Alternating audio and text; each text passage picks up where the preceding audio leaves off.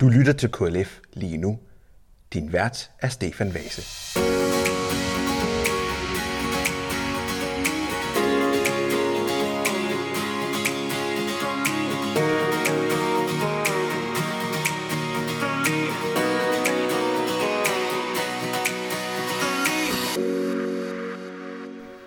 Velkommen til KLF lige nu i en påske-edition. Yes. Og hvem er det, der lige bryder Ja, ind her? ja, ja. Jamen, jeg blander mig jo bare i din intro. Jamen, øh, det er jo Michael Arndt Laversen, generalsekretær i KLF. Øh, Efterhånden en lidt øh, sådan kendt gæst i det her program, ikke? Jamen, det, det, det er lige før man kan sige, er der andre? Men der er andre, og i dag det er derfor faktisk særlig fint besøg Det gør øh, vi. fra P2. Vi skal høre øh, et, øh, et, øh, et, en længere bid med Mathias Hammer, der skal snakke om øh, højtidsmusikken. Og det er derfor, jeg siger, at det er sådan lidt af en, af en påske. Vi skal snakke lidt om, hvordan det er, at medierne dækker påsken. Mm. Øh, jeg kan lave tease for, at vi skal snakke lidt om, hvad har Kain og Abel med Palme Søndag at gøre? Spændende spørgsmål. Men inden vi kommer til til, Michael, så skal vi snakke om KLF's nye struktur. Vi har berørt det nogle gange før, men, men vi, sådan lidt, vi, vi nærmer os lidt mere, at tingene bliver mere konkrete. Ja. Vi, vi skal have nogle inspirationsdage, hvor vi inviterer en særlig gruppe af engagerede KLF'ere. Og hvad er det for nogle KLF'ere, vi gerne vil have med på de her inspirationsdage? Man kan sige, at den nye struktur lægger op til en ny måde at tænke frivillighed på i det hele taget. Og vi vil gerne engagere de mennesker, som kan se sig selv i en eller anden rolle i forhold til at fremme KLF's sag. Og vi har oplevet igennem rigtig mange år, at der er masser af mennesker, som brænder for KLF, men at vi måske har haft lidt svært ved at finde sådan den helt præcise opgave til den enkelte. Og det prøver vi på med den nye struktur. Så vi inviterer dem, som er nysgerrige, dem, som tænker, KLF er vigtigt, men hvordan er det lige, jeg kan gøre noget sådan helt konkret for KLF? Øh, og det vil vi gerne inspirere til. Vi har nogle rigtig gode idéer til, hvordan den enkelte kan træde ind i en meget specifik rolle som frivillig. Så det er det, øh, inspirationsdagene kommer til at handle om. Og, og, og, og, der, og, der, og der er sådan tre typer. Øh, ambassadøren, re, øh, folk til regionsudvalg og kommunikationsambassadør. Kan, Ja. ja. kan du prøve at sætte nogle, lidt flere ord på de, her, på de her tre typer? Ja, det kan jeg godt. Altså, øh, man kan sige, den, den første, det er ambassadøren. Det er den, jeg gerne vil nævne som den første. Vores drøm er, at vi finder ambassadører i alle byer. Øh, Vi har sat sådan et mål, der hedder alle byer med 3.000 indbyggere eller flere. Men sidder man nu i, i en by med 800 indbyggere og kunne tænke sig at være ambassadør, så bare være frimodig og meld dig. Øh, vi kunne godt tænke os at have de her ambassadører alle steder. Øh, og, og med det samme vil jeg også sige, hvis man bor i en meget stor by, så kunne det også godt være, at man skulle være flere ambassadører. Så det er ikke sådan, det er ikke sådan meget fastlagt, det er ikke sådan meget struktureret på den måde. Ambassadøren skal se sig selv som KLF's øh, forlængede arm i sin egen by. Vi har brug for, at der er nogle mennesker, som øh, hvad skal man sige, afsøger området og siger, hvad er der egentlig af muligheder i, i min by, hvis jeg bor i Hedensted eller i Jøring eller, eller i Slagelse. Hvilke kirkelige foreninger er der? Hvilke sovnekirker er der? Eller andre typer af, af kristne kirker er der? Er der en, en kristen friskole for eksempel? Og så på den måde siger, hmm, der er faktisk de her muligheder for, at KLF kunne komme ud og gøre sig gældende. Og så være med til at åbne nogle døre. Hmm. Tage kontakt til de her kirker og missionshuse og foreninger, og så få KLF sat på dagsordenen. Og det, og det er jo det, vi ved, og det, og det, det er jo det, alle på en eller anden måde erfarer, at det er bare virkelig, virkelig en fordel, at, at, øh, at det er nogen, man kender, Ja. der sparker døren ind. I stedet for, at du ringer rundt, du kan jo Ja. i princippet godt bruge en hel dag på at ringe rundt til alle mulige forskellige. Ja. Men det er bare meget nemmere at få sparket døren ind, hvis det er en, folk kender i forvejen. Ja, i hvert fald enten en, man kender, eller en, der er lokal. Og det er det, der er pointen her. Det er, at man, det kan godt være, at man ikke lige kender øh, skolelederen på friskolen, eller, eller, eller øh, formanden for Indre Mission i den by, man bor i, eller hvad det nu er, man, man forholder sig til. Men man er i hvert fald lokal. Øh, og, og det, der er vigtigt også her at sige, det er, at ambassadøren skal ikke så holde et møde i den der forening, eller kirke, eller på den der skole, men de skal være med til at pege i retning af KLF, at få folk til at gå ind på vores hjemmeside og booke et møde. Mm. Så det er det her meget sådan nære. Man skal ikke forholde sig til, hvad sker der i nabobyen, eller i hele regionen, eller noget som helst andet. Man skal se på sin egen by, og så være med til at sætte KLF på landkortet. Fordi vores erfaring er, at hvis først vi får lov til at komme ud og holde møder rundt omkring, i kirker og missionshuse og foreninger osv., så, så bliver folk også optaget af KLF's sag. Mm. Og den opgave, den løser vi fra landskontorets side. Vi skal nok komme ud, mm. vi skal nok holde møderne og alt det der. Mm. Men vi har brug for nogen helt lokalt, der kan få åbnet nogle døre. Mm. Og det er i virkeligheden ambassadørens allerfornemmeste opgave. Og, Og, og, og, der, kan man sige, at der, der, der er jo rigtig mange ting i det, som KLF er optaget af, som, som har en, en, en klangbund ude i, i det kirkelige foreningsliv. Absolut. Altså, altså, der kan bare tale morgendagt, øh, gudstjenester i tv og radio osv. osv., osv. Der er rigtig meget af det, som vi gør, hvor, hvor, hvor brugerne er derude, og hvor de måske faktisk ikke er klar over, at der faktisk er en klub for dem, kan man Ja. sige det på den måde. Ja, men man kan sige, når jeg kommer rundt, jeg kommer jo ud mange steder, heldigvis, men når jeg kommer rundt, så er der ligesom to sådan klassiske tilgange til, hvad er det, man kunne tale om. Det kan være det her, som du nævner, altså det kirkelige stof, hvordan fremmer vi det. Sammen med det kan man snakke etik i medierne, og alt det her sådan meget klassiske KLF-arbejde, det er spændende at diskutere med folk. Hvad er godt indhold? Hvad er dårligt indhold? Hvad synes I om sproget i, i radioen? Og så videre. Vi har nogle rigtig gode samtaler. Øh, så det er sådan den ene tilgang. Og den anden, det er det her, vi kalder mediemod. Altså som handler om, hvad er det skærme gør ved os? Øh, og man skal ikke læse ret meget avis øh, bare i de her uger for at se, at det er faktisk et emne, der fylder rigtig meget i samfundet generelt. Og det ved vi faktisk meget om. Altså vi ved mere om det end så mange andre. Og vi kan sætte det ind i en sammenhæng, der også har kristne perspektiver. Øh, Og så kan vi tage de her diskussioner om, hvordan skal vores hverdag se ud, når vi nu lever i en digital tid, og hvad er det for ting, vi måske selv kan tage ansvar for. Så alle de her øh, oplæg, vi kan komme ud og holde, de er toprelevante. Øh, og, og, og det, hver eneste gang, jeg kommer ud, så oplever jeg bare engagement. Mm. Så, så hvis ambassadøren kunne åbne nogle flere døre, så kunne vi komme ud mange flere steder og gøre KLF synlig. Og det er det, der kan sikre vores overlevelse på den lange bane. Præcis. Øh, der er en anden slags ambassadør, der hedder kommunikationsambassadør. Hvad er det for en?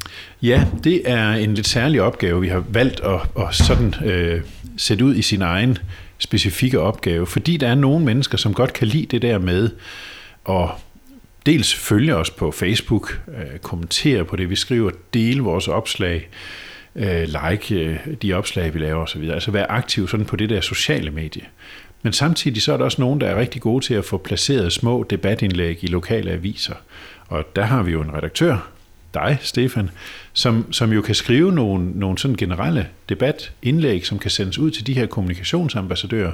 Og så kan de igen, lidt ligesom ambassadøren, være den lokale forlængede arm. Holde det lidt i hånden. Tage ud til ugeaviser og lokale dagblade og sige, var det her ikke noget øh, at få det her bragt øh, her hos os? Og, og sætte eget navn under og sige, jeg er lokal KLF'er. Jeg kunne godt tænke mig, at det her det kommer ud. Og igen er med til at skabe synlighed, for det er faktisk det, vi har allermest brug for. Det er synlighed. Mm.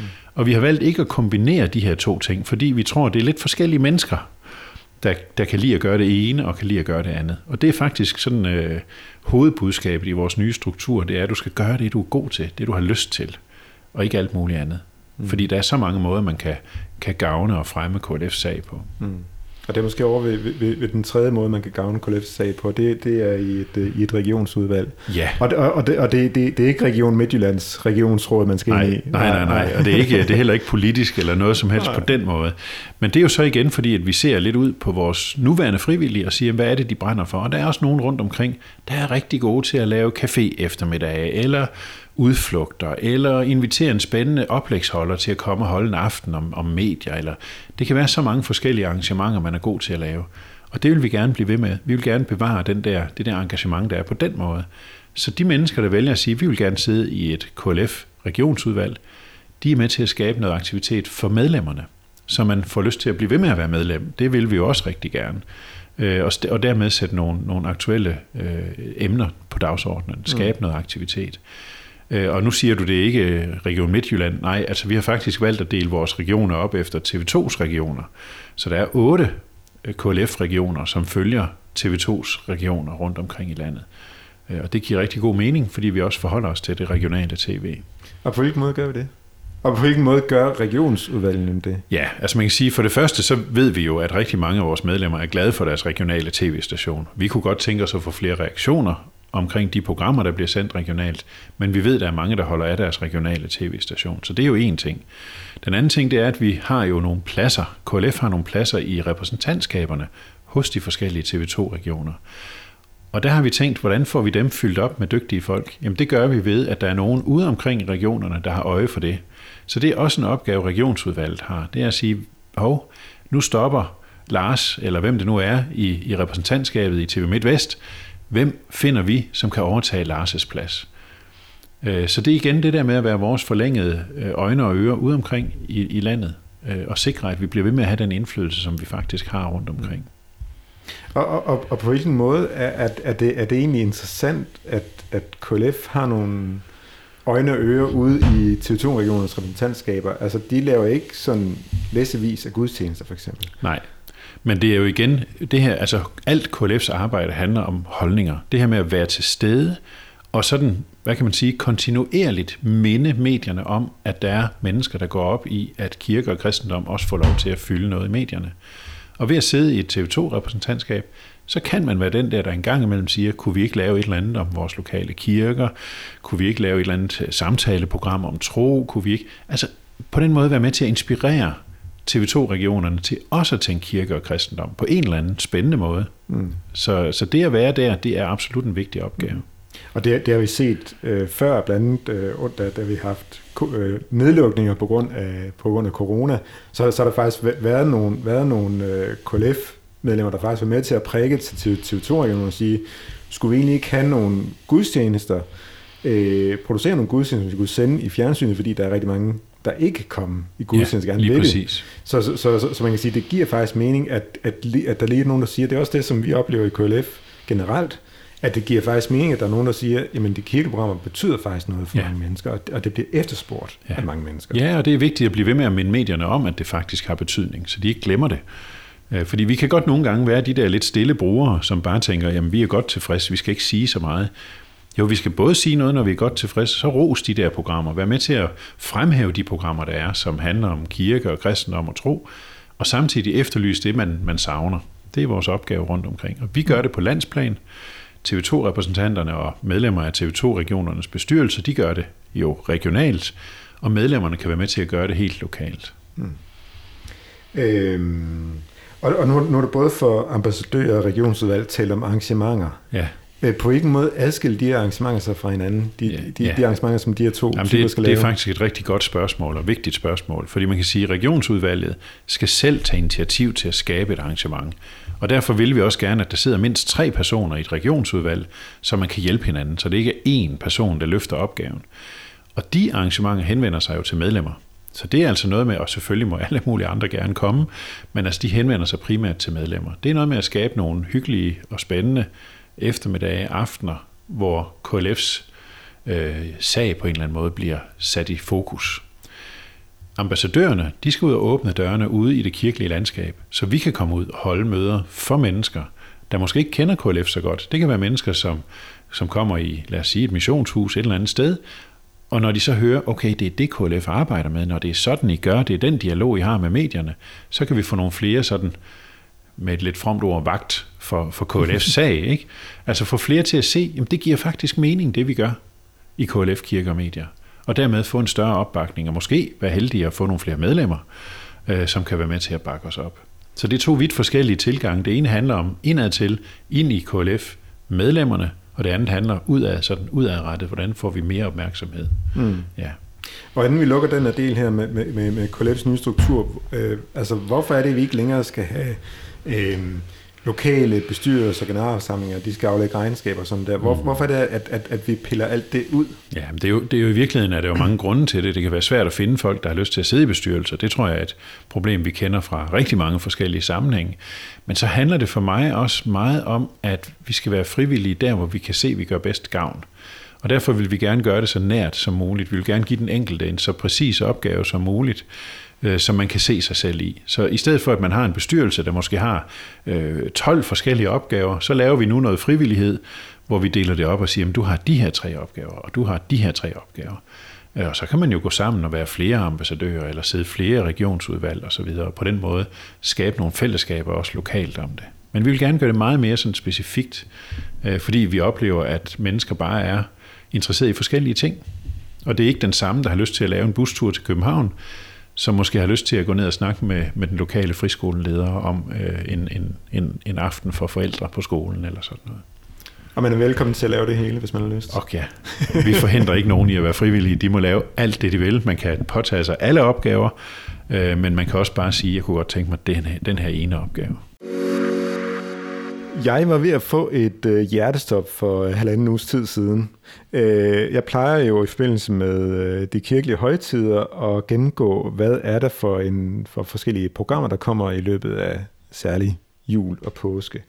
Øh, og for, øh, og for øh, halvanden uge siden, der, der, der gik det op for mig, at øh, det er jo sådan, at på DR1, der sendes der tv-gudstjeneste kl. 10, og på DR2 kl. 14 samme tv-gudstjeneste. Palmesøndag er lidt speciel i år, fordi vi har en bispevielse på, i, i, i Fyn, på Fyn, i Odense Domkirke, øhm, og, det, og det foregår om eftermiddagen. Og så tænker jeg så, okay, jamen hvad er der så om formiddagen på DR1 i, øh, i tv-gudstjeneste tid kl. 10. Og der så jeg så, at de, sender, de genudsendte en øh, gudstjeneste fra den 15. januar, mener det var, 15. januar i år, øh, hvor at øh, det handlede om øh, ondskab, og øh, prædiketeksten var øh, beretning om Kain og Abel fra første Mosebog. Øh, Palmesøndag og Kain og Abel, hvad i alverden har det med hinanden at gøre?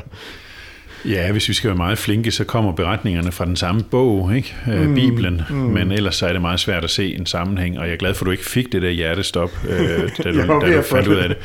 Men, men det er jo bare, altså for mig, jamen jeg, jeg forstår det heller ikke. Mm, altså jeg mm. forstår ikke uh, sammenhængen, og, mm. og, og vi har spurgt DR om en forklaring, ja. og det er lidt svært at forstå forklaringen også.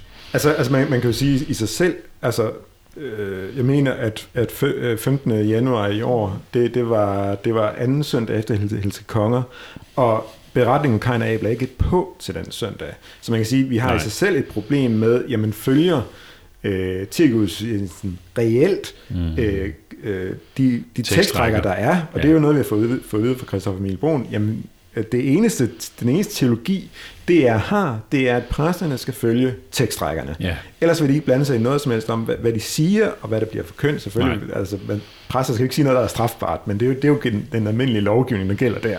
Men, mm. men, men altså, Abel passer overhovedet igen. Men det næste det er jo så, jamen, jamen som vi også kan blive enige om her, jamen Kain og Abel og Palmesøndag er ikke meget med hinanden at gøre. Nej. Og som du siger, vi har spurgt, vi har spurgt, det er, hvorfor det er, at de sætter en, lige præcis den gudstjeneste på. Det er mange steder, kan svar på. Vi, vi har så spurgt dem, jamen kunne de ikke sende en anden gudstjeneste? Jamen de er bange for at forvirre mm. seerne, hvis mm. de lige pludselig sætter en gudstjeneste på, der passer til Palmesøndag, mm. men med en anden vært. Hvad tænker du om sådan en forklaring? Nu den der øh, forklaring om, at de er bange for at forvirre brugerne, den har vi jo hørt for ganske nylig i en anden sammenhæng, hvor to morgenandagter blev aflyst på grund af et sportsarrangement, øh, øh, hvor man ikke ville flytte morgenandagten fra DR2 til DR1, fordi man var bange for at forvirre brugerne. Og, og helt ærligt, jeg, jeg forstår ikke den der forklaring. Det gør jeg ikke. Altså, alt muligt andet kan man jo guide brugerne i retning af, hvis der er en tv-avis, der er blevet udskudt på grund af en fodboldkamp eller et eller andet, så kan man skrive en tekst på skærmen, at tv-avisen kommer senere, eller den er blevet aflyst, eller et eller andet. Man kan altid informere brugerne. Og når det er tv, så formoder man, at de fleste kan se, hvad der står på skærmen. Mm. Så derfor så synes jeg, at det er en meget mærkelig forklaring, det der med, at man ikke vil forvirre brugerne. Mm. Jeg tror i virkeligheden, man forvirrer brugerne endnu mere ved at finde en gudstjeneste, der slet ikke er relevant øh, for en palme søndag. Det var bedre at finde en to, tre år gammel, fire år gammel gudstjeneste fra en palme søndag, som passer ind i påsken, mm. som passer ind i de her helligdage, vi har, og dermed jo netop ikke forvirrer brugerne, men, men giver den oplevelse, man forventer mm. af en palmesøndags gudstjeneste. Mm. Så jeg forstår simpelthen ikke forklaringen.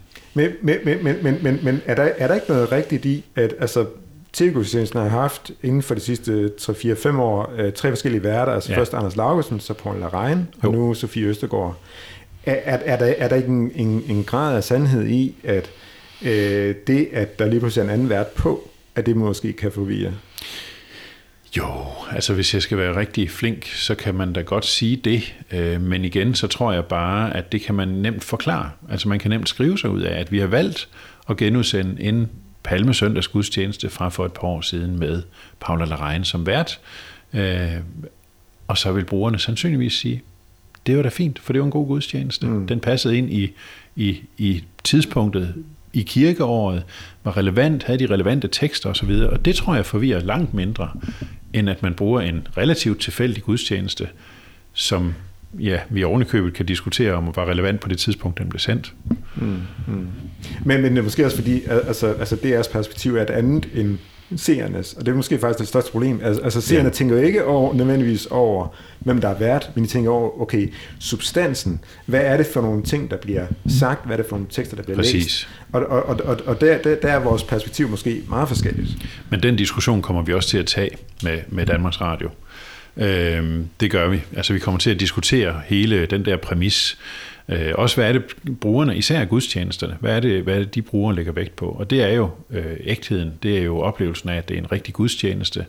Det er oplevelsen af, at det er den relevante tekst i forhold til kirkeåret osv., der betyder langt mere, end om det lige er den ene eller den anden vært. Øh, men det er nok, fordi vi ser det forskelligt. Det er nok, fordi det ene er et mediehus, som tænker i, i værter og præsentation, og det andet er, er kirkefolk, som tænker i indhold og ser, ser tingene på en anden måde. Mm. Så den diskussion kommer vi til at tage. Og, og, og du tænker godt, at, at, at de, to værter, de to verdener kan komme til at forstå hinanden? Ja, det er jo vores opgave et eller andet sted. Vi står jo lige nøjagtigt midt imellem. Vi hedder KLF Kirke og medier, ikke? så vi står jo lige nøjagtigt i det der spændingsfelt imellem de to verdener. Og, og det tror jeg sagtens, de kan. Men det kræver nok lidt samtale, øh, for at man sådan helt forstår, hvad er det, der er vigtigst for brugerne. Mm. Jeg tror, det er i, i øh, bedste mening forsøger at tage nogle hensyn, som de tager uden at kende brugernes behov. Mm.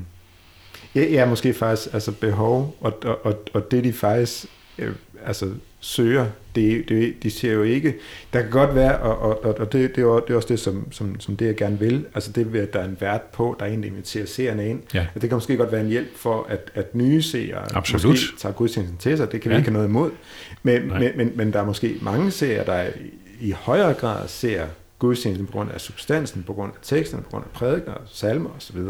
Ja, og man kan sige, at hvis ikke substansen er der, så hjælper det ikke noget, at der er en dygtig vært, der inviterer indenfor. Altså, man skal jo først og fremmest have, øh, ja, det lyder forkert at sige, men det rigtige produkt. Altså en gudstjeneste skal først og fremmest være en gudstjeneste, være autentisk, nærværende osv., ikke?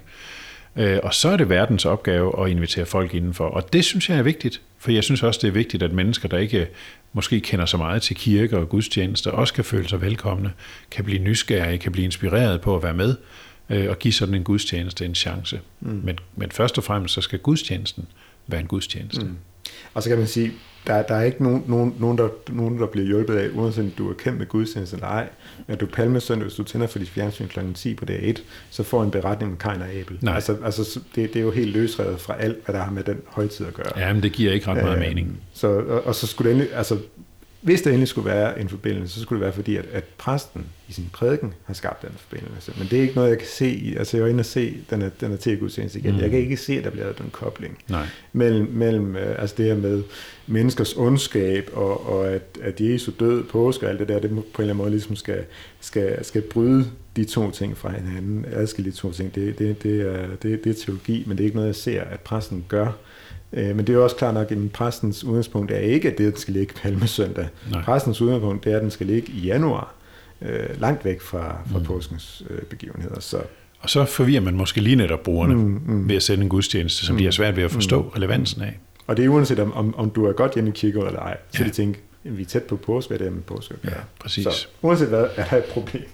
Øhm, men det er jo ikke fordi, at altså, som jeg sagde før, at, at jeg laver den her gennemgang af, af, af, af mediernes dækning af, af, af, af højtiden, den kirkelige højtid påske, at, at jeg sådan har identificeret, at der er, at der er alvorlige problemer denne gang. Det har der før været, men jeg synes faktisk egentlig, at, at vi ser ind i en, ind i en interessant øh, påske. Jeg kan lige sådan, altså, øh, på, på KLF.dk, der ligger der en, en artikel med sådan 10 højdepunkter, og så nogle bobler til sidst, nogen som egentlig måske kan være interessant at se. Og jeg synes egentlig, at vi ser ind i en påske med, altså vi har, øh, vi har øh, lørdag den anden, nej, søndag, palmesøndag, øh, der, der, kan man, der kan man se øh, pigekorts for en forårskoncert, hvor der faktisk også er, er nogle... Øh, er nogle kirkelige elementer i den. Øh, vi, vi kommer til at se et program, der hedder Guddommelig Mad, et, en, en, en nyproduceret dokumentar, hvor at øh, kokken øh, Claus Meier og præsten Paul Joachim Stenter tager til øh, Grækenland, jeg tror også, de tager til Israel, og, øh, og, og ser på den her forbindelse mellem, mellem øh, den, den øh, føden i, i, i, flere, i flere forstand. Øh, og, der, der ved jeg både, både at øh, Claus Meier og Paul Joachim Stenter, jeg synes, at den her kobling mellem øh, åndelighed og mad er enormt spændende. Altså, altså at, at åndelighed godt må være sanselig. Ja.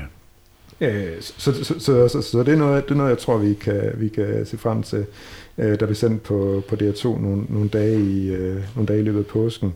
Øh, der er en øh, svensk dokumentar, der hedder Jesus i Ørkeljunga, om nogle øh, unge drenge, der gerne vil, øh, der gerne vil forkynde i, øh, i den her øh, by, der hedder Ørkeljunga. Øh, der er en fransk, et fransk drama fra 2018, der blev vist på, på DR2, der hedder Åbenbaring om en, øh, om en øh, pige, der, øh, der mener, at hun har haft en, øh, en øh, Jomfru Maria-åbenbaring. Så er der på, også på svensk tv en, øh, en, øh, en ikonograf, der fortæller om øh, påskens øh, begivenheder ud fra hendes ikoner. Vi har midnatsmesse fra Rom, påskeaften, altså, altså øh, natten til øh, påskedag. Øh, påskedag kan man se Brahms Requiem, der kan man sige, det er lidt sjovt. Et, et, en requiem, det er en, en dødsmesse, men den åbner faktisk for, for opstandelsen i slutningen af, af Brahms Requiem. Og der er en masse forskellige ting, som sagt, der, der, der, der, ligger en oversigt inde på, inde på KLF.dk. Så jeg synes faktisk egentlig, med det her arbejder bare, der hedder mm. Kain og Abel, øh, Palme Søndag, jeg synes faktisk egentlig, vi ser ind i en, ind i en spændende pose. Ja, det er jeg enig med dig i, og det er, og det er virkelig dejligt. Øh, og det er der, vi mærker også, at, at nu er det mange af programmerne, du nævner jo fra Danmarks Radio, altså at, at Danmarks Radio faktisk tager øh, trostoffet alvorligt. Øh, og det er noget af det, der er vigtigt for os og for, for alle vores brugere, det er, at, at netop højtiderne, netop påske og jul især, øh, bliver markeret på en god måde, og også på en varieret måde, og det synes jeg også, man gør her. Så øh, ja, man kunne altid ønske sig endnu mere, men mm. jeg synes faktisk, vi ser en, en, en programlægning her, som giver god mening. Og, og her kan vi faktisk mærke, at, at det, den dialog, vi har haft med deres kulturdirektør Henrik Bo Nielsen i efteråret, det faktisk har givet pote. Lige altså, præcis. Altså, jeg synes virkelig, at, at det, det, det, det, det virker meget lovende. Ja, vi, vi er øhm, på det rigtige spor, kan man ja. sige. Det er vi virkelig. Men det, der jo så kan undre, det er, altså TV2 er fuldstændig blottet for indhold, der er noget med påske at gøre. Altså ofte så kan man måske finde en film eller to, men der er ingenting, som jeg har kunne se i hvert fald i min, i min gennemgang, som, som har noget med påske at gøre. Hvad tænker du om det? Ja, Altså jeg tænker, at de lige nu har brugt utrolig meget tid på at lave et nyt logo, øh, som, som, jeg glæder mig, som jeg glæder mig til at høre mere om, når vi mødes næste gang. Jamen, jamen prøv at høre, det er jo en grundlæggende frustration. Vi har mm. to kæmpe store offentligt ejede mediehus i Danmark, som begge jo er public service øh, mediehuse, også i deres egen bevidsthed. TV2 gør meget ud af, når vi mødes med dem og siger, at vi er public service, det kan godt være, at vi er finansieret via brugere og så videre, og så videre, men vi er public service. Og det savner jeg bare at se. Og det, og det bliver nok nødvendigt for os at mødes med, med direktionen øh, hos TV2 på et tidspunkt og tage den her sådan helt, helt grundlæggende diskussion om, jamen er I virkelig public service, mm. set med vores øjne? Mm. Det kan godt være, at der er andre, der føler, at de dækker deres behov, mm. men de dækker på ingen måde vores medlemmers behov. Mm. På ingen måde.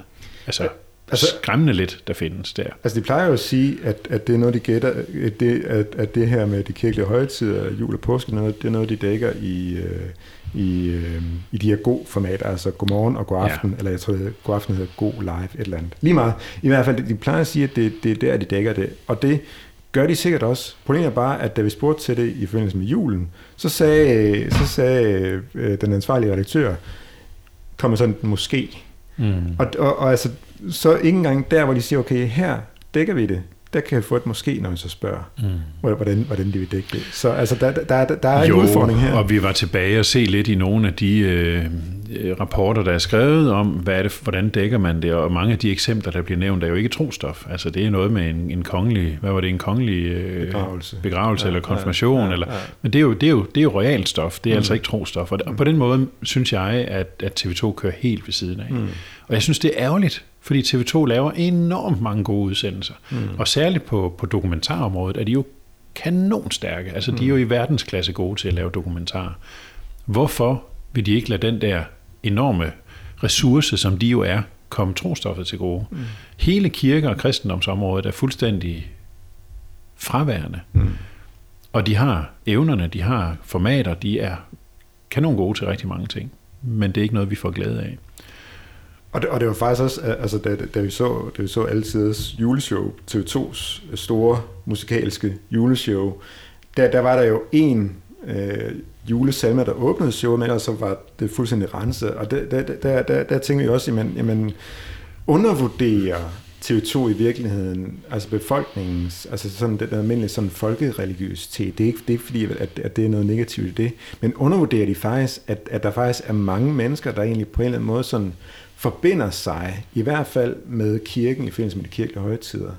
Øhm, så at TV2 faktisk måske uden at, uden at ville det faktisk er ude af trit med befolkningen. Mm, men det tror jeg. Også fordi man ser jo øh, gang på gang artikler, øh, også i aviserne, der beskriver, hvordan den danske befolkning i virkeligheden gerne vil øh, tro og religion og kirke øh, på en eller anden måde, men, men her svigter TV2 fuldstændig. Mm.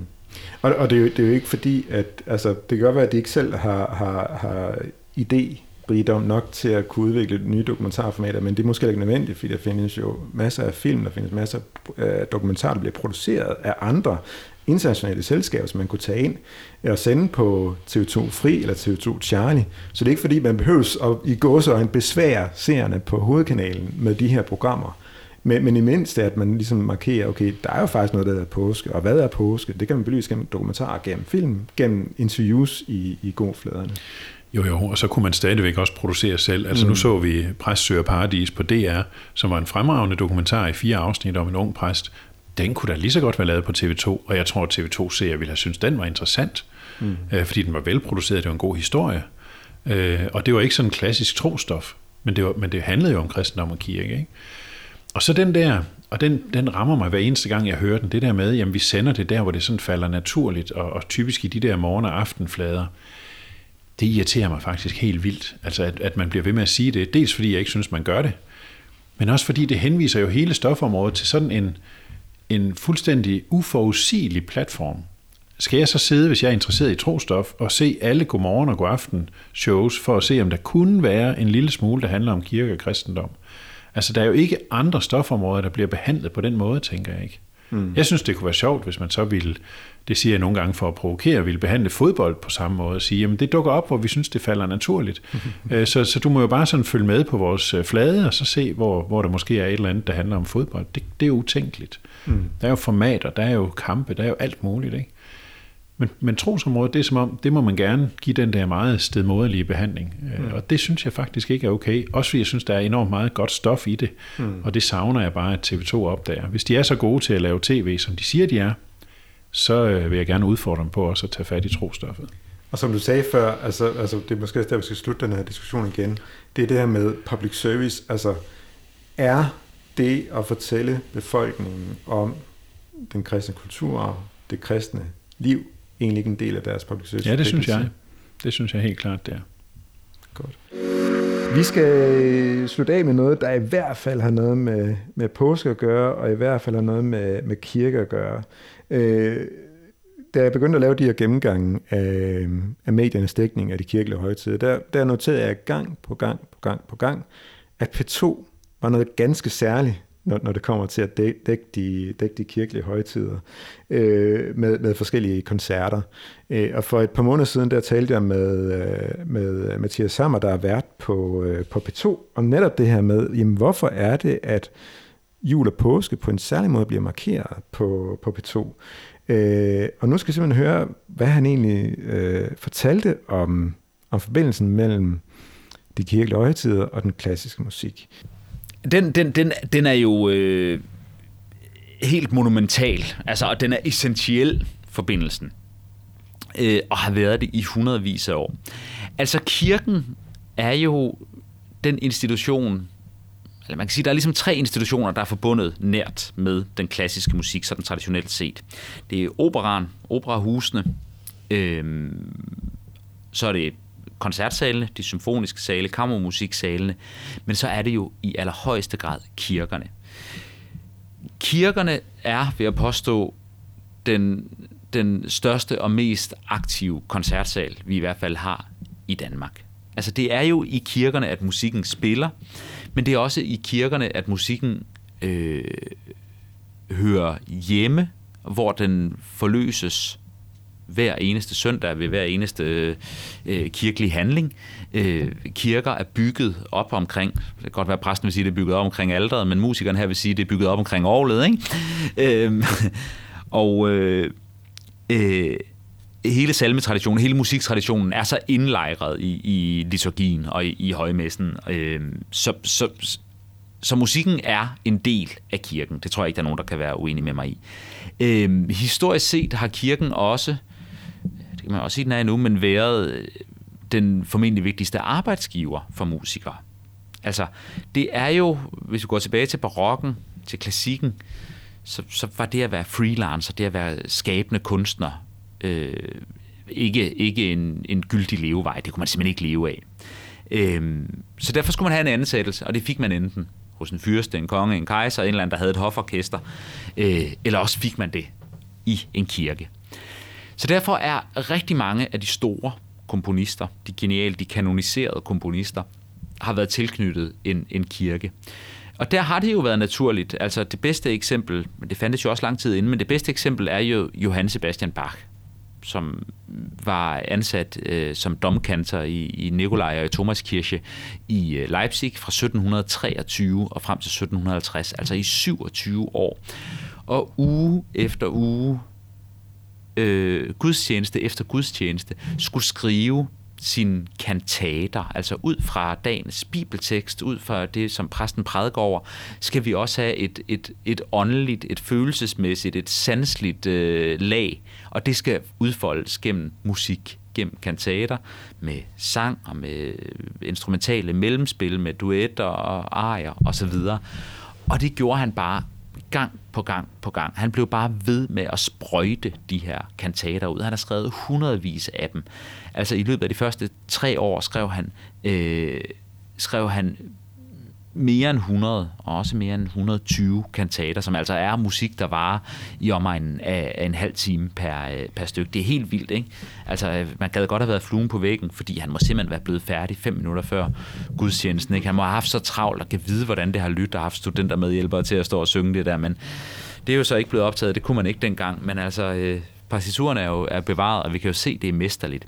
Så derfor er den klassiske musik og kirken knyttet tæt sammen. Og når du så tager det videre til højtiderne, til de kirkelige højtider, øh, og jo i allerhøjeste grad påske og jul, så er det jo tidspunkter, hvor øh, kirken fylder endnu mere, hvor vi opsøger kirken, hvor vi går i, i, i kirke, øh, og derfor er det også, har det bare altid været indlejret i den klassiske tradition, at man også skaber musikalske værker til det, og til opførelse i kirken.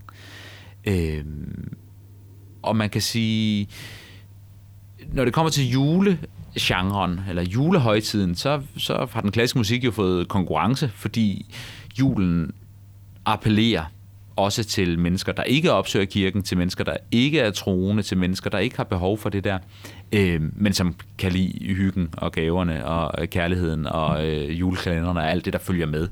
Så derfor er øh, julemusikken jo også blevet, den er virkelig også blevet, altså den er blevet amerikaniseret. Popkulturen har taget den til sig i allerhøjeste grad. Så når man tænder for radioen i december måned, så kan man ikke kun finde julemusik på B2. Det kan man også på B4 og B3 og alle andre steder. Men påsken, der er alligevel sådan en, en, en anden religiøsitet til sydenlandet indlejret i påsken. Altså popmusikken har ikke taget påsken til sig. Påsken er heller ikke blevet en, en højtid på samme måde som julen, som, som er som er hyggelige, og her er vi sammen med familien, og her er der alle mulige traditioner for, at vi skal spise og drikke, og sådan. Det er der selvfølgelig lidt. Selvfølgelig er der også påskefrokost, og selvfølgelig er der også påskeferie og så videre.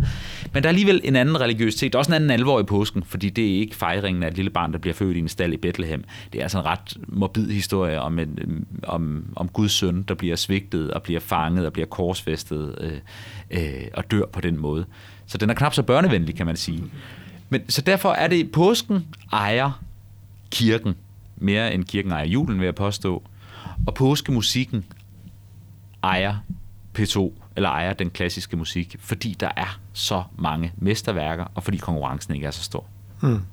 Øhm, og kan, kan du på samme måde, altså, altså nu kan det godt være, at, at dem, der, øh, der hører det her, eller læser øh, artiklen i KLF's magasin, det er mere sådan fortrolige med øh, det, det, det bibelske forlæg for, øh, for øh, de tekster, der indgår i den, klass, i den klassiske kirkemusik, den der højtidsmusik. Men kan du på samme måde, som, som vi begyndte lidt med, hvordan kommer man ind i den her? Hvad, hvad vil du sige, man sådan skal lægge mærke til, når man hører de her store, øh, store kirkemusikværker i forbindelse med højtiderne? Ja. Altså, de store religiøse højtidsværker – er jo næsten altid øh, en, en genfortælling af højtidshistorien. Det vil altså påskepassionen eller juleevangeliet primært. Øh, så der er et eller andet betryggende i, at vi faktisk godt kender historien i forvejen. Vi ved godt, hvad der sker, fordi vi hører den hvert år til påske. Vi ved godt, hvordan Jesus han bliver, øh, øh, bliver, bliver fanget og bliver korsfæstet. Øh, og hvis vi eksempelvis tager øh, Bachs store passioner. Der er øh, hans Johannes passion og hans Matthæus passion, som hver især gengiver hele teksten på tysk fra Johannes evangeliet, passionshistorien og fra Matthæus evangeliet. Og det er en til en det, der står i Bibelen. Vi ved altså godt, hvad der står. Men det bare kan så gøre undervejs, det er, at han bryder den her tekst op og indsætter det, der i og for sig fylder langt størstedelen af værket, indsætter arier, kor, ensembler, øh, som har poetiske tekster, altså meget kortfattede tekster meget ofte, men som sætter påskeevangeliet, eller øh, passionsfortællingen, sætter den i stemningsmæssig relief.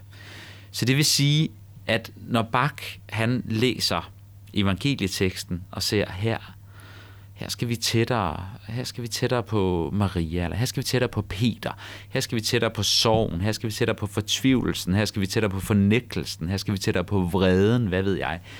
Så, så bruger han den stemning til at skabe en arie, der forstærker det.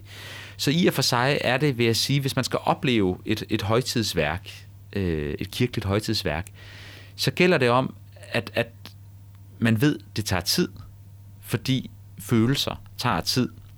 Og så skal man læne sig tilbage og, og, og, og lade være med at, at føle, at, at det der med at følge med er det vigtigste. Fordi så bliver man restløs. Hvis det bare handler om at komme frem til slutningen, så bliver man restløs, for det går meget langsomt. Altså, det er hurtigt at bare læse det, og så gå videre, og så kan man, øh, øh, så kan man gå ud i byen. Men vær tryg i, jeg kender historien, men det er ikke sikkert, at jeg kender følelserne, og mm. dem får jeg her. Mm. Og det er ligesom det, der kendetegner de der store værker, at man får det der refleksionslag, mm.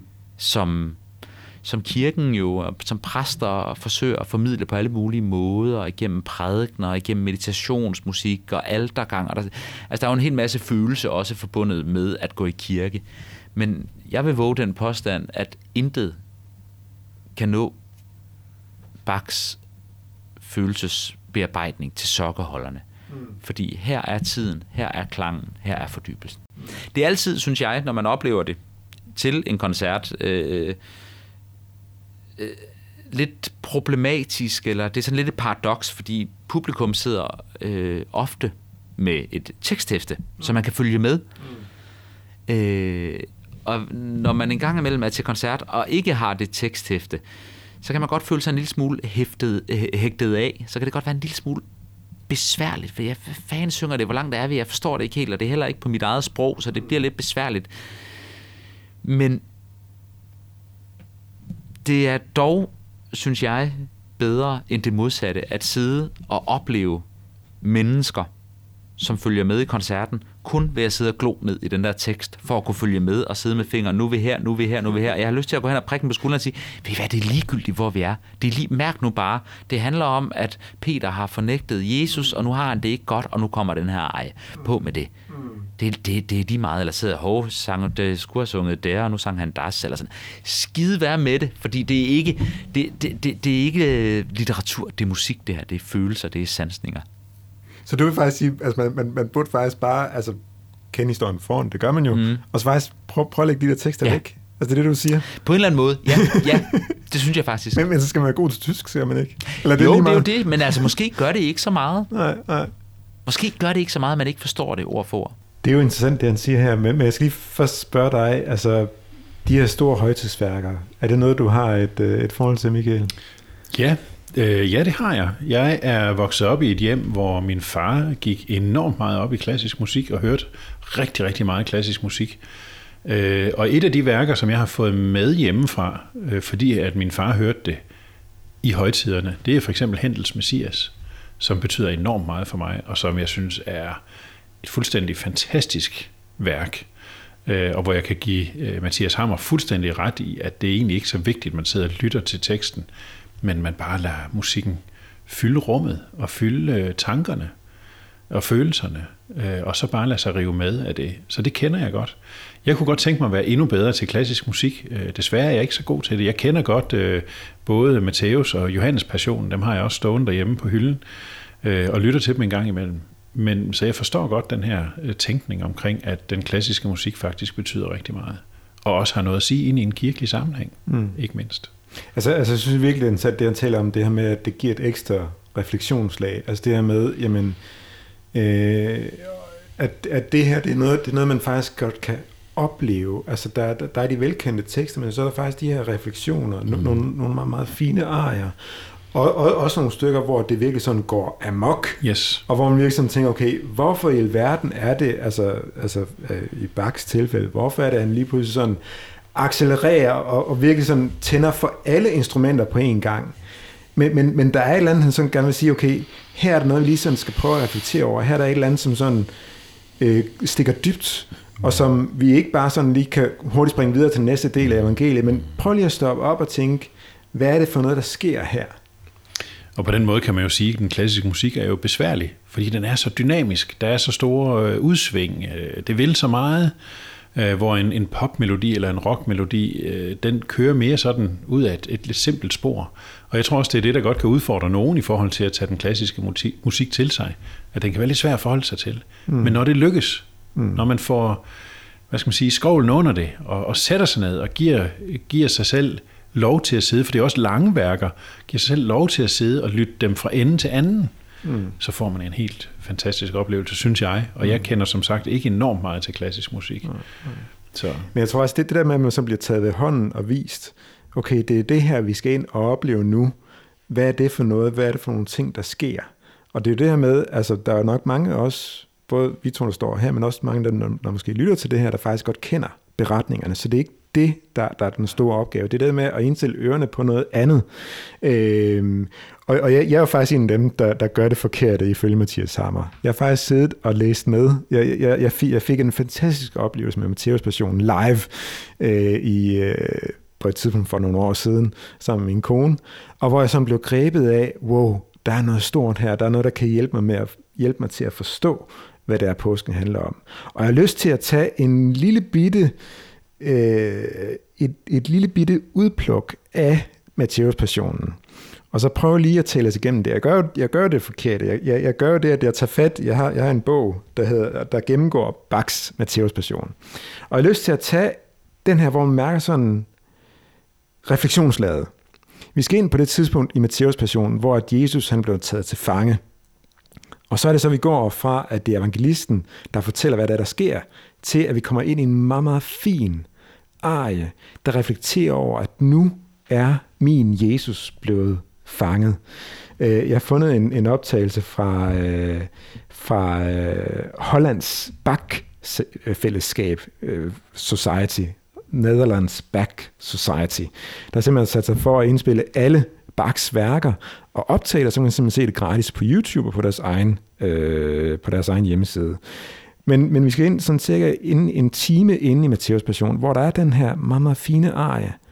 Og så sker der noget utrolig vildt, og først skal man opleve det live, så får man et chok. Du, du, du bliver simpelthen skubbet tilbage i sædet, hvor du mærker, okay, det er her, at Bach synes, her er der noget, der er helt, helt galt.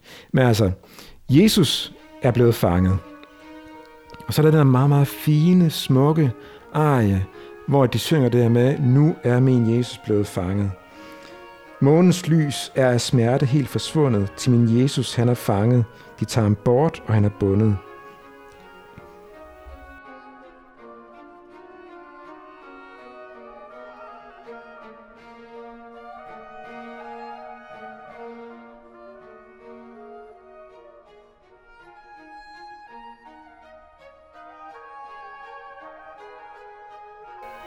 Der er ikke særlig meget gang i orkestret.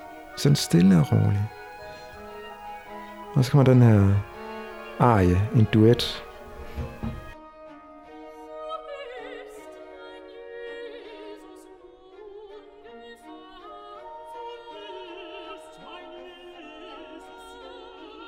Her er den her gentagelse, er gentaget.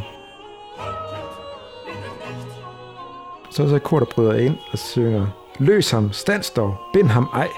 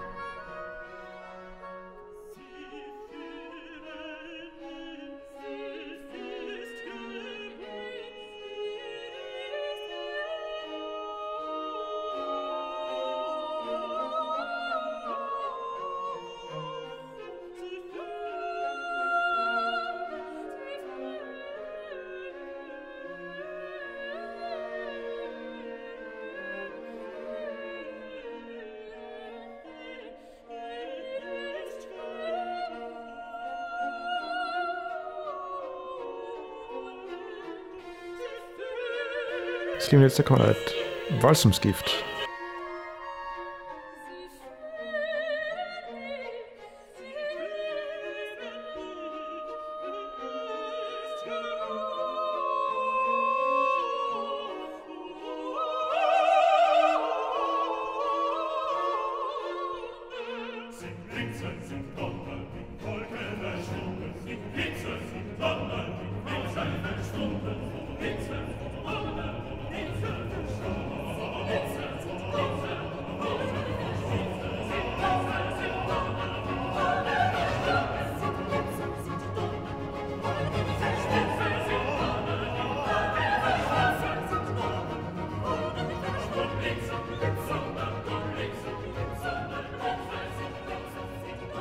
Jeg synes, det er så fantastisk, den her, bare den her meget stille arie, de har taget min Jesus, som den hedder, og så over til det her med refleksionen, eller, eller bearbejdning af følelsen, jamen, Judas er jo en forræder. Det er hans skyld, at min Jesus blev fanget. Og så er det der vrede, der sådan bryder ud, og hvor de synger, er lyn og torden, er lyn og er torden forsvundet op i skyen. Og så taler jeg om den falske forræder og det morderiske blod. Altså, synes, det er, altså, det er jo ikke noget, der står i evangelierne, det her.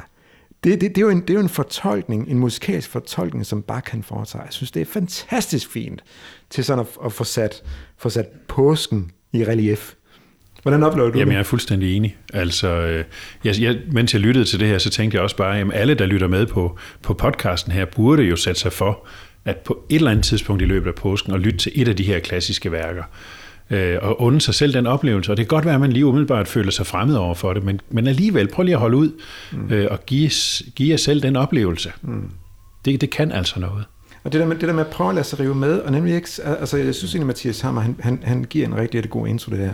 Det med, det er ikke litteratur. Mm. Du skal ikke nødvendigvis sidde og følge med, og det behøver du heller ikke, fordi du kan historien. Mm. Men prøv at mærke, hvordan det er, at du følelsesmæssigt bliver påvirket af det. Mm. Prøv at leve dig ind i det, fordi det der med, altså, altså det er jo meget nemt at, at, at gå fra skal tors eller fredag, så skynde sig frem til opstandelsen på påskedag. Ja. Men jeg, synes, jeg tror også, der er noget godt i det der med at prøve at blive i ja. det her vanvittige drama, der udspiller sig langfredag. Til fangetagelsen Gethsemane, domsfældelsen, korsfæstelsen, døden. Altså, der er noget mm. fantastisk. Det, jeg synes, synes er sjovt ved, ved, ved Matteus passion, jeg, jeg gik om og læste det sidste. Hvad slutter det med? Det slutter faktisk med, at øjnene lukkes. Mm. Der, der er opstandelsen ikke med her. Altså, ja. altså Bach har, har, har, lavet, har lavet et opstandelsesværk, øh, så, så den har det med, men bare ikke det her. Så det slutter med, at øjnene lukkes. Og jeg synes egentlig, det er fantastisk med, at jamen, vi bliver i mm. langfredagsmørket, og prøver mm. at mærke det langfredagsmørke, og ikke skynde sig frem til, mm. til, til påskedag, men prøv at mærke det mørke der. Og det synes jeg virkelig, at Bach er god til. God til at fortolke, god til at bearbejde det, og give et refleksionslag, som øh, præster også er dygtige til, mm. men det er Bach altså også. Ja, det supplerer hinanden. Og, og nu siger du det her med, altså, altså prøv at, at, at, at gøre det i påsken, der er faktisk flere muligheder for at gøre det. Altså, øh, ja, ja, der ligger som sagt en oversigt inde på vores hjemmeside klf.dk. Jeg vil bare nævne her, altså 8. april, altså øh, lørdagen mellem langfredag og påskedag, der kan man se Matteus Passionen på SVT 2 kl. 19.05. Man kan høre det i radioen øh, påskedag kl. 19.20. Øh, øh P2 sender også øh, øh Johannes Passionen, og der er flere andre øh, klassiske værker, også af andre end, end Bach, der, der, der bearbejder øh, påskens øh, begivenheder. Så der er rigtig gode muligheder for i løbet af påsken. Prøv at se, at man kan jeg prøv at hoppe ind på P2, der er nogle der er sat til at starte, fordi der får du introduktionen til, hvem er dirigenten, hvem, hvem, hvem, er, hvem, hvem synger korene og så videre, hvem, hvem, hvem, har, hvem spiller nøglerollerne, fordi det er også et, et, et form for, det er ikke et skuespil, det er ikke, det er ikke dramatiseret, men, men det, det bliver sunget, så der, så der, der, der, der er nogen, der, der, der, der lægger stemme til de her forskellige personer, der er med. Så altså, der er gode muligheder for ligesom at sige, okay, jeg prøver at sætte mig ned, og se, om jeg kan blive bevæget af det. Og så vil jeg give et, et godt råd også. Skru lidt op for lyden. Altså øh, lad være med at lytte det for stille. Ja. Lad, det, lad det udfolde sig i al den dynamik, der er i sådan et klassisk værk. Mm. Øh, det er altså en del af oplevelsen. Ja. Så kan det godt være, at man bliver lidt forskrækket en gang imellem. Det gør man, altså, jeg, jeg, jeg, altså som jeg sagde før, inden vi, inden vi spillede det her, jeg fik et chok, da jeg kom til det her, fordi jeg ikke forventede det der med, at det, det her med, okay, nu hører vi et stille og roligt stykke. Så lige så kommer det der, de der råb der, løs ham, bind ham, ej, jeg, jeg fik et chok, og så var det jo kun en optag til det her vredesudbrud med lyn og torden og Judas, den, den forfærdelige forræder og sådan noget der. Altså, jeg var slet ikke forberedt på det. Men jeg blev simpelthen bare blæst ja. bagover ja. og tænker, okay, det er det vildt. Det, det, det, altså, altså, altså, altså hvis, hvis der var en præst, der gjorde det der, altså, jeg, folk næsten føler sig sådan krænket af det. men, men, men, men bare kan gøre det, og, og man, man, man, man bliver ført med. Mm af, af musikken, som virkelig er smuk. Ja. Og så vil jeg lige sige en sidste kommentar til det, som Mathias Hammer han siger. Jeg kan jo faktisk rigtig godt lide det, han siger med, at lad nu være med at gå for meget op i teksten. Lad, lad nu, øh, lad det nu fylde, fylde øh, følelsesmæssigt i stedet mm. for. Sådan lytter jeg faktisk selv til mm. rigtig meget musik. Mm. Der er mange, der spørger mig, jamen, den der sang, eller det kan være en popsang, eller det kan være noget rockmusik, eller et eller andet. Jamen, og, og, og så lige der, der kommer bare, det er sådan en god tekst. Og tit så sidder jeg med sådan en lidt øh, tøvende øh, attitude, fordi det har jeg måske ikke lige fokuseret så meget på, fordi for mig er er stemmen tit bare et instrument. Sådan, mm. sådan lytter jeg til musik. Jeg ved ikke, at andre gør det på andre måder, men jeg kan faktisk godt sidde og høre en masse musik med let forståelig tekst, sådan set, mm. på dansk eller engelsk, mm. eller hvad det nu er, uden at lægge mærke til, hvad der egentlig mm. bliver sunget. Mm. Men jeg lader det hele blive sådan en, en følelsesmæssig, sandelig oplevelse. Så det kan jeg egentlig godt lide, ja. han siger. Og det er måske det der med, at det, det, det er ikke en intellektuel øvelse at høre klassisk musik. Der er rigtig mange, der tænker, okay, det, det er noget for æggehuder, men det er, det er det ikke nødvendigvis. Nej. Det er også bare, at du mærker det. Ja. Øhm, men, men, men, men, men, noget, men noget jeg tænkte over undervejs, altså, altså du, du, du, kan jo, du kan jo tysk. Det kan jeg. Altså, altså hvor meget af det her, de synger, forstår du? Ja, men jeg forstår rigtig meget af det. Ja, ja. Ja. Er, er, er, er, du så bedre forudsætninger for, for at kunne nyde det, eller, eller end andre har? Ja, det er jo så det, der er et godt spørgsmål, fordi øh, jeg har også nogle få gange oplevet, øh, jeg har for eksempel været inde og høre en opera på italiensk, og mit italiensk er meget rustent, for ikke at sige intet, det er, det er slet ikke til stede, øh, og det var lige så stor en oplevelse, synes jeg, som at høre musik, hvor jeg egentlig godt kan forstå, hvad der bliver sunget, øh, fordi følelserne netop fylder så meget. Så jo, der er nogle ting, man kan forstå, fordi man forstår sproget, og det giver selvfølgelig nogle, nogle tilgange til musikken, som andre måske ikke har, hvis ikke de forstår sproget. Men jeg synes ikke, det er en forudsætning for at få en god oplevelse. God pointe. Vi har øh, været meget vidt omkring, vi var rundt i hele Danmark og talt lidt om ny struktur. Vi har talt om forbindelsen mellem Kain og Abel og Palme Søndag, og så talt rigtig meget om påskedækning, og ikke mindst den klassiske musik. Så jeg håber på, at, at alle, der lytter til det her, de har fået en, en god opvarmning til, til påsken. Ja, det, det ønsker jeg virkelig også, øh, og, og vi kan se frem til endnu nogle, nogle skønne helligdage og, og fokusere på det kirkelige øh, og, og tro og alt det, som betyder rigtig meget for os. Præcis. Glædelig påske. I lige måde. Også til jer, der lytter med. Lyt til flere podcasts fra KLF på lytklf.dk. Har du lyst til at deltage i debatten om medierne, kan du følge os på Facebook. Du kan også reagere på programmer fra radio og tv på vores hjemmeside klf.dk.